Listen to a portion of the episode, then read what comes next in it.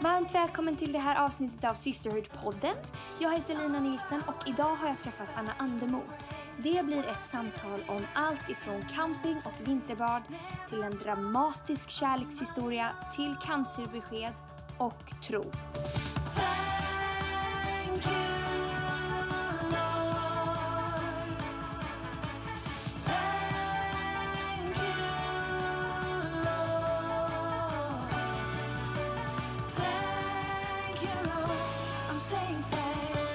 Sitta med eh, Anna Andemo.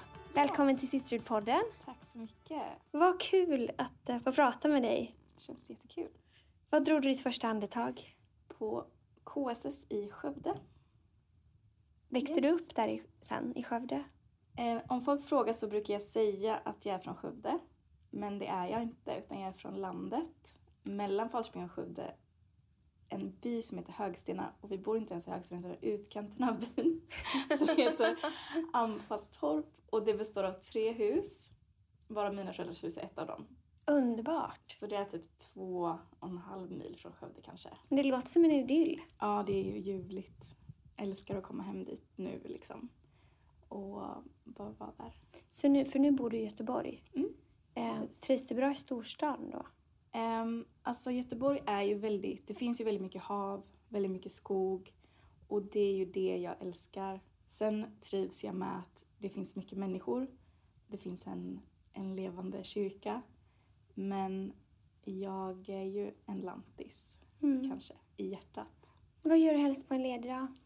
Ehm, då packar jag eh, mat eh, som går att laga på stormkök eller grill tillsammans med min man då och våra barn och så packar vi ner så mycket matsäck liksom vi kan så vi klarar oss en hel dag, gärna från morgon till kväll.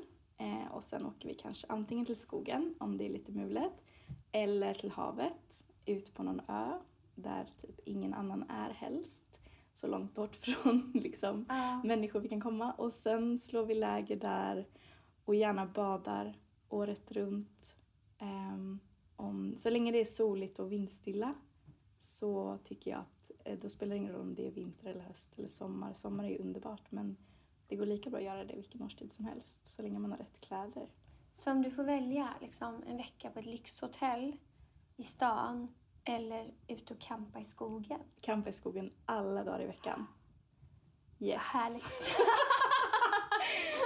Men nu berättar du om din familj. Hur ser din familj ut nu? Mm, så det är eh, liksom min direkta familj då är ju Björn, min man och eh, sen är det våra två barn som heter Movits eh, som är fyra år och Love som är ett år.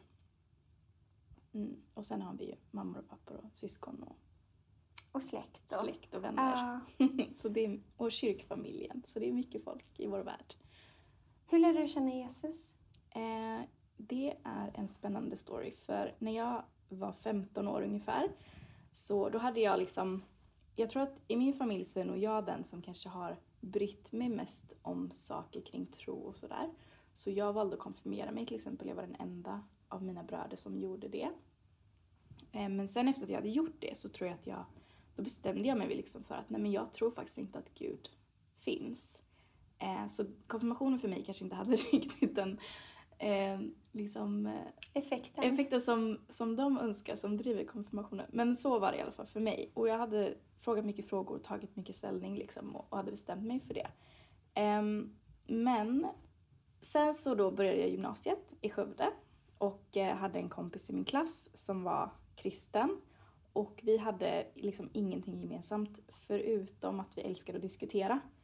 För hon var, vi var helt olika liksom på den politiska skalan, på trosskalan eftersom jag var ateist och hon var liksom brinnande kristen. Eh, hon var blond, jag hade svart hår, alltså alla, hon älskade kött, jag var vegetarian. Det var bara, alla saker var olika med oss. Men vi fann varandra i att vi bara älskade att diskutera och var väldigt passionerade personligheter båda två. Så då började vi prata och då kände jag att det enda jag liksom inte kunde vinna över henne var eh, när det handlade om tro, för jag kände inte att jag hade tillräckligt mycket kunskap. Så då började jag läsa Bibeln, för jag tänkte liksom att vart lär man sig om tro? Jo, men det gör man ju i Bibeln. Med då liksom att jag skulle få så mycket argument som möjligt så att jag skulle kunna eh, liksom brotta ner henne i våra diskussioner. Men det hade ju liksom helt motsatt, motsatt effekt. För jag hittade inte det jag, det jag trodde att jag skulle hitta. Jag trodde att jag skulle hitta stories som liksom en dömande gud som dömer ut människor och, och sådär. Men jag hittade Jesus liksom i Nya Testamentet och hur han såg folk och vandrade med människor oavsett vad de hade gjort liksom med nåd och sådär. Och då kände jag bara oj, det här var inte alls den bilden som jag hade av Gud. Eh, för liksom att man tror att det bara handlar om synd och det bara handlar om att, att Gud liksom vill förstöra ens liv och allting som man inte får göra. Men när jag började läsa Bibeln så stämde inte det överens. Mm. Så då blev det så att, jag sa inte det till henne, men jag började ju be i smyg typ. På bussen kommer jag ihåg ibland till skolan så här bara Hej Gud, om det finns så typ ge mig ett tecken och sådär. Och sen så började jag väl känna liksom att, att på något sätt att Gud började sakta men säkert forma mitt hjärta. Men det hände inte kanske så mycket. Jag kan inte säga att jag liksom blev frälst eller att jag hade tagit ett beslut så här, att nu är det jag och Gud. Men jag började liksom få en begynnande tro. Mm. Och det plockade ju hon upp ganska snabbt, min kompis. Okej, Eh, det gick inte att hålla det hemligt. Nej, utan, och vi blev ju även bästa vänner under gymnasiet. Och ä- än idag är hon min bästa, bästa vän liksom. Vem är Björn då? Björn är ju min man. Ja, hur träffades ni? Så vi träffades eh, Viks folkhögskola utanför Uppsala. Så han gick musik och jag gick teater. Och vi träffades eh, för att vi, jag älskar ju att bada, eh, som jag sa här i början, Ja. vinterbada och så. Och det gör han med. Och sen, så vi hade ett badvad, att vi skulle bada varje dag, eh, för det låg precis vid Mälaren vid en sjö. Mm. Att vi skulle bada varje dag tills det inte liksom gick längre. Vi hade planer om att vi skulle bada hela vintern och hacka hål på isen och sånt för det blir så här metertjock is där. Ja. Eh, det gjorde vi inte, vi slutade typ i slutet av oktober. När det var typ så här 14, eller vad man nu kallar kanske 12 grader.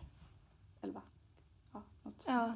Men eh, så då lärde vi känna varandra för vi gjorde det varje dag. Så på morgonen eller på lunchen eller så här. Vi blev liksom, vi blev väldigt, väldigt tajta vänner. Vi blev typ bästa vänner.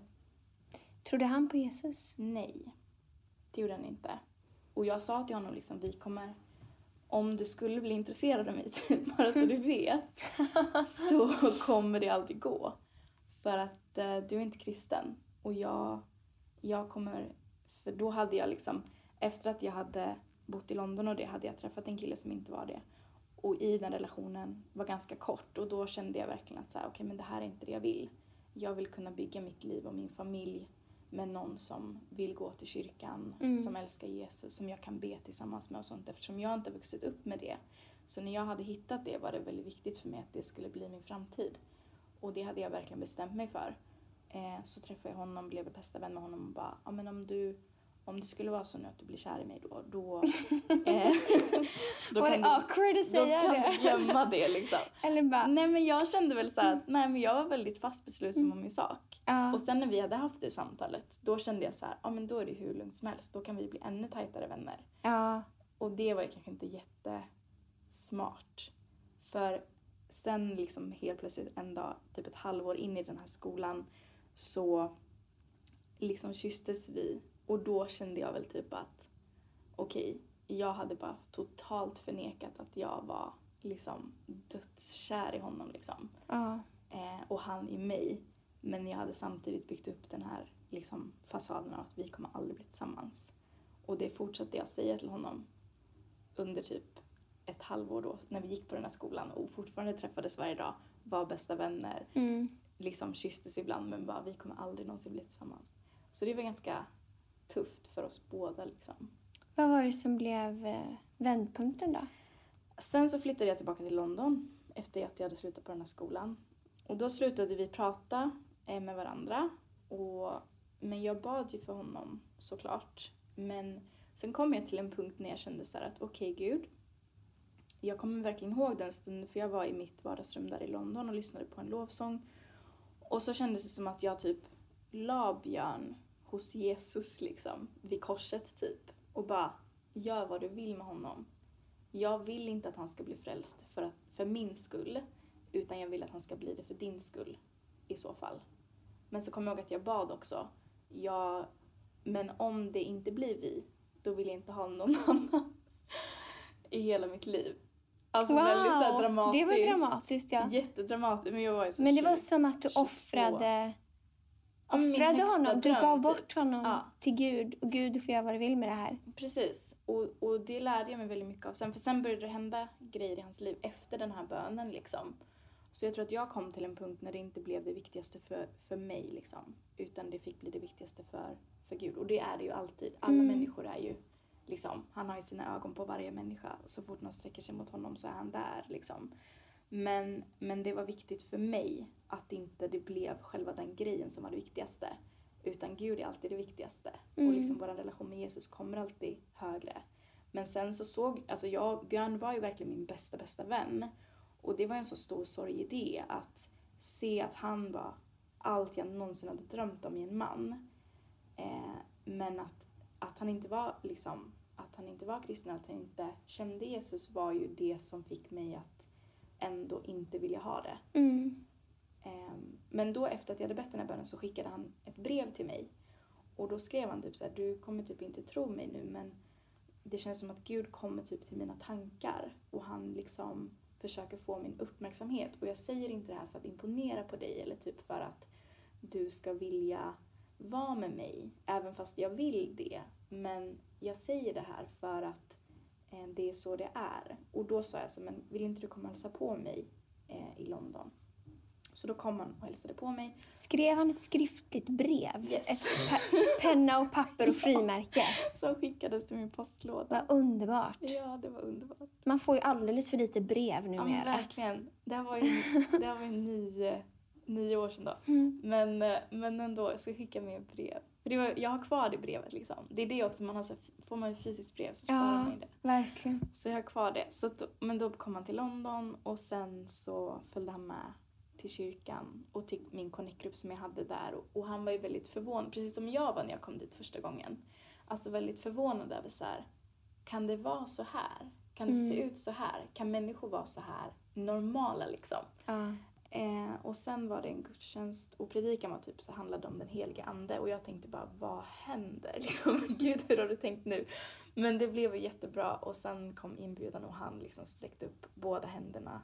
Eh, och sen efteråt så kom en kompis som är med i så här, de som pratar med människor som har då tagit ett beslut om frälsning i, Ja. i mötet, kommer att prata med dem. Och han sa till mig liksom bara your friend just made an awesome decision. Och så, ja. Ehm, Så tog han det så beslutet? tog han det beslutet. Och han förklarade efteråt som att bara, jag hade inget val. Jag bara sträckte båda händerna. Jag kunde inte göra någonting annat när de frågade. Och det känns som att det jag har letat efter, det hittade jag här. Så det var ju verkligen en s- 180 grader vändning liksom. Och då ändrades ju hela bilden för mig. Alltså jag som bara, vi kommer aldrig bli ihop, vi kommer aldrig bli ihop. Så här. Då, jag hade ju fortfarande haft ett hopp. Och då ändrades ju hela bilden för mig. Bara, tänk om vi kan bygga vårt liv tillsammans. Ja. Och sen, jag ville bara se att det var på riktigt. Och det såg jag ju efter några veckor. Så då bestämde vi oss liksom för att, ja men, vi Bli tillsammans. Ja, Coolt. Och nu är ni gifta och har två barn. så är det. Stabilt. Ja, det och vinterbadar. Ja, det gör det. ibland.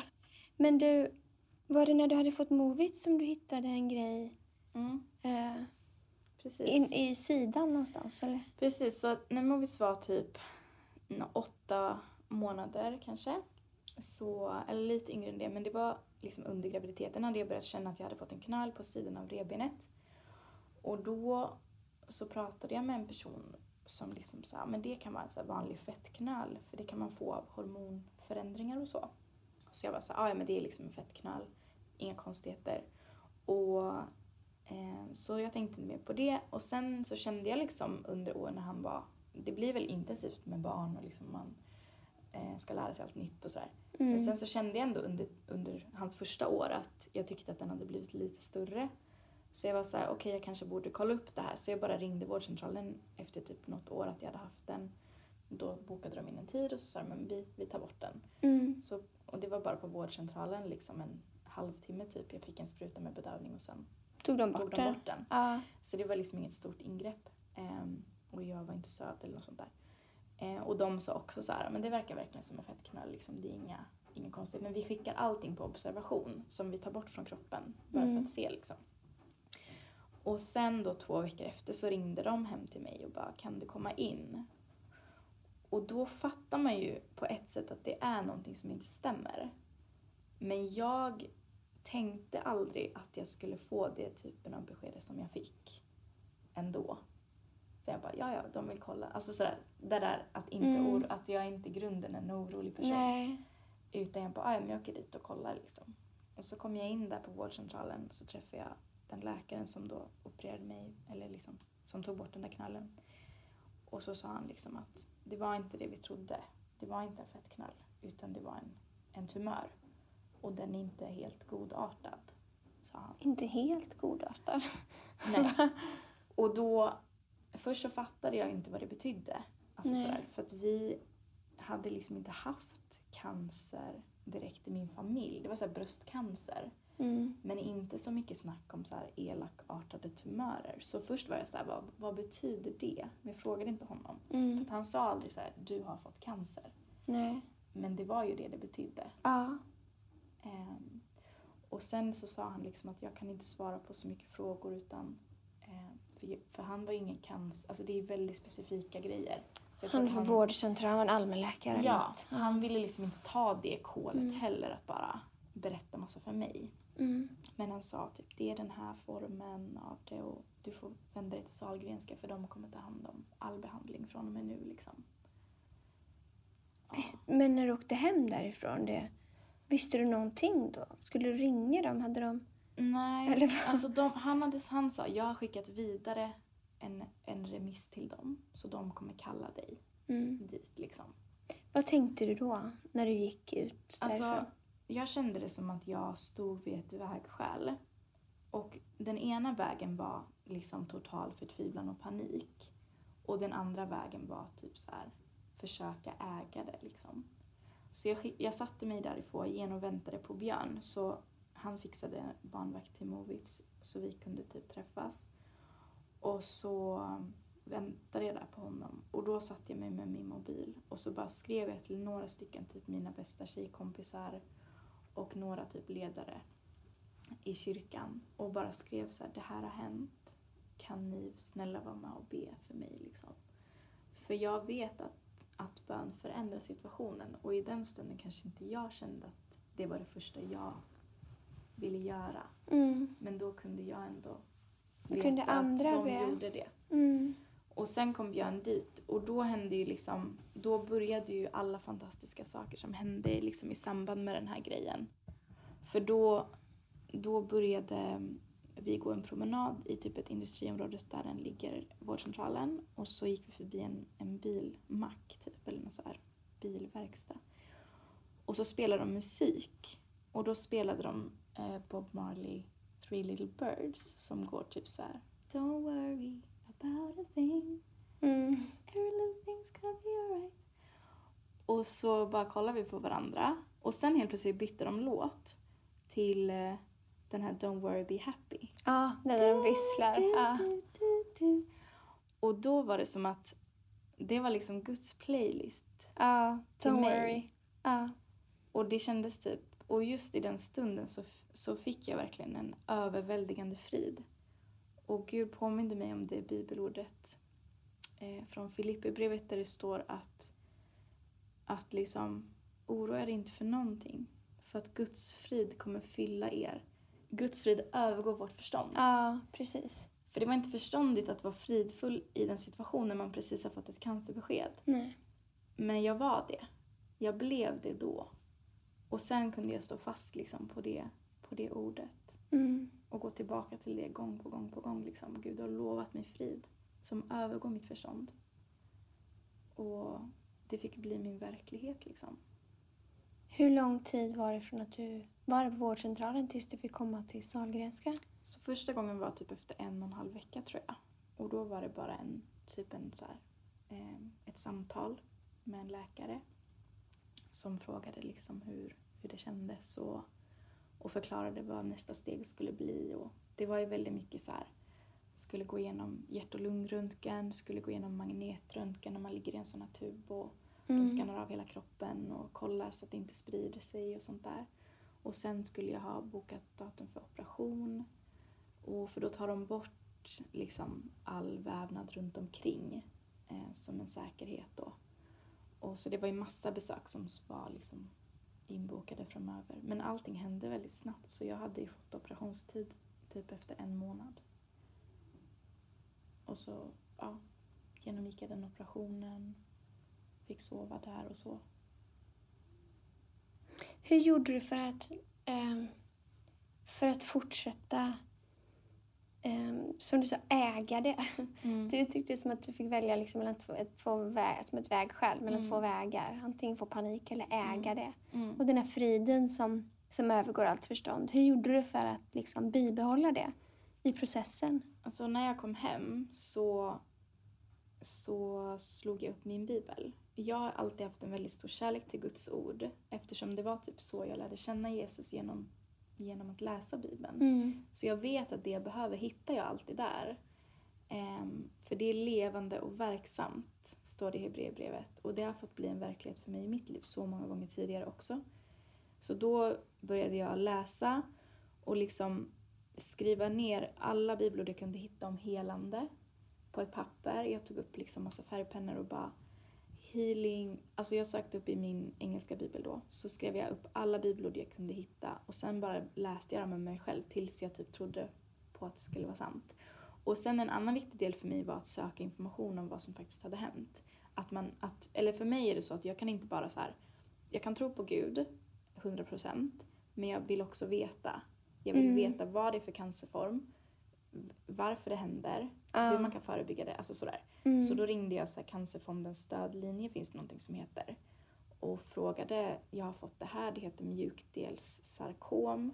Det är en ganska ovanlig form. Av 60 000 patienter som får varje år så är det 300 som får denna. Den är inte livsstilsberoende, de vet inte varför man får det. Det kan uppkomma var som helst i kroppen. Och, ja, alltså så här, bara Mm. Om tumören är mer än 9 cm så är det stor risk för spridning och dödlighet. Är den mindre än det så är det typ 90 chans att, man, att det går bra. Och Mm. min var typ två gånger en centimeter så det var väldigt tidigt skede. Ja. Så då kände jag så här, okej det är inte det som definierar men det hjälpte mig ja. också. Att jag visste liksom Mm. Hur du var. att jag var on top of things. Så du eh, opererades Mm. och sen efter det? Då sa läkarna liksom att det har gått jättebra, det har gått felfritt, du är ung, du är stark, vi tror på din kropp att den ska kunna hantera det här liksom. Ehm, men vi vet inte. Vi kan inte säga förrän vi har gjort alla slutgiltiga undersökningar av det vi har tagit bort. Eh, och det kommer ta ungefär tre veckor. Så det var liksom tre veckor av väntan på en dom, eller vad man Ja. ska säga. Kommer det bli Liv eller död? tilläggsbehandling? Kommer jag behöva cellgifter? Alltså alla de här sakerna som man tänker förknippa när man ser med cancer. Det hade jag Ja. inte varit med om än. Nej. Utan jag hade ju mått bra. Jag mådde ju aldrig dåligt under den här perioden. Alltså förutom att man var trött efter operationen och så. Ja. Men inte dåligt fysiskt i min kropp. Det var ingenting jag inte kunde göra och sådär. Så att jag jobbade ju liksom och, och gjorde allt som jag, som jag liksom gjorde hela tiden. ja. Så därför var det inte heller så. Jag valde att inte berätta det heller för så många alls faktiskt. Utan att hålla det väldigt, väldigt tajt för att jag ville inte att ge människor en möjlighet att tala ut dåliga saker över mig, om du förstår. Utan jag Mm. valde bara människor som jag visste skulle tala liv och frid och hälsa. Sen om det hade behövt komma till det att jag hade behövt jättemycket behandling och så, då är det klart att då kanske man hade behövt dra på lite större växlar.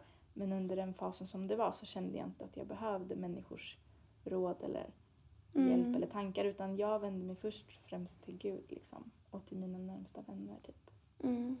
och min familj. Och sen behövde du inte göra några efter... eh, Nej, eller så- liksom någon be- mer behandling? Nej, utan då när de tre veckorna hade gått så var jag där och då så sa läkaren liksom vi har väldigt goda nyheter till dig och eh, det finns inget kvar i din kropp.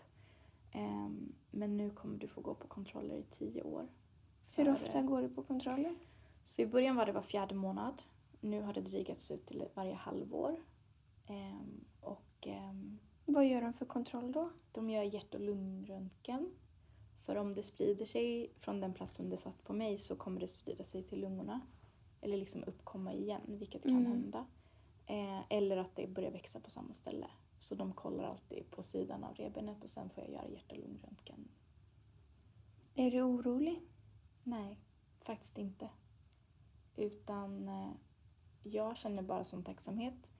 Och det låter ju sjukt att säga det kanske. Och så är väldigt, eh, jag vet inte, pretentiöst kanske. Men, men jag känner tacksamhet varje gång jag är där.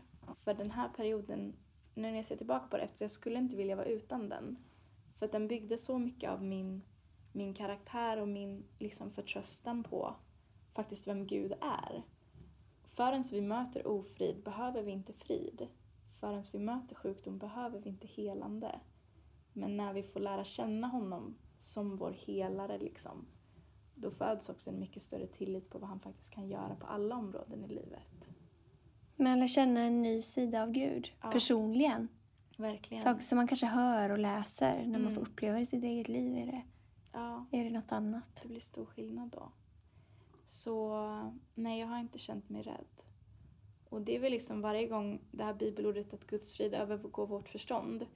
Att om det nu skulle komma något besked så litar jag på friden igen. Att den möter mig med det mått som jag behöver. Mm. Men hittills har det gått jättebra. Om du skulle ge ett råd till dig själv för, hur länge sedan var det? Tre och ett halvt år sedan? Ja, precis. Vad skulle du säga då?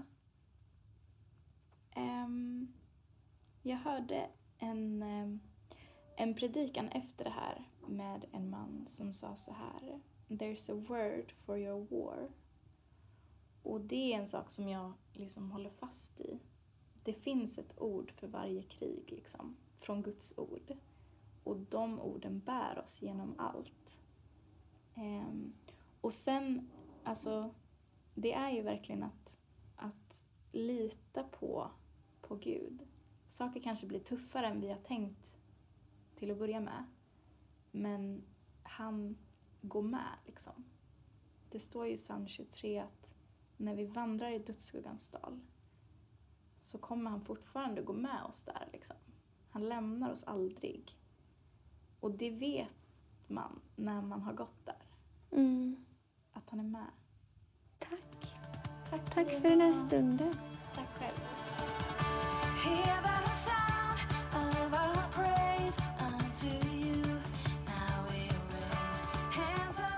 När vi är mitt i dalarna i livet skulle vi gärna vara utan dem.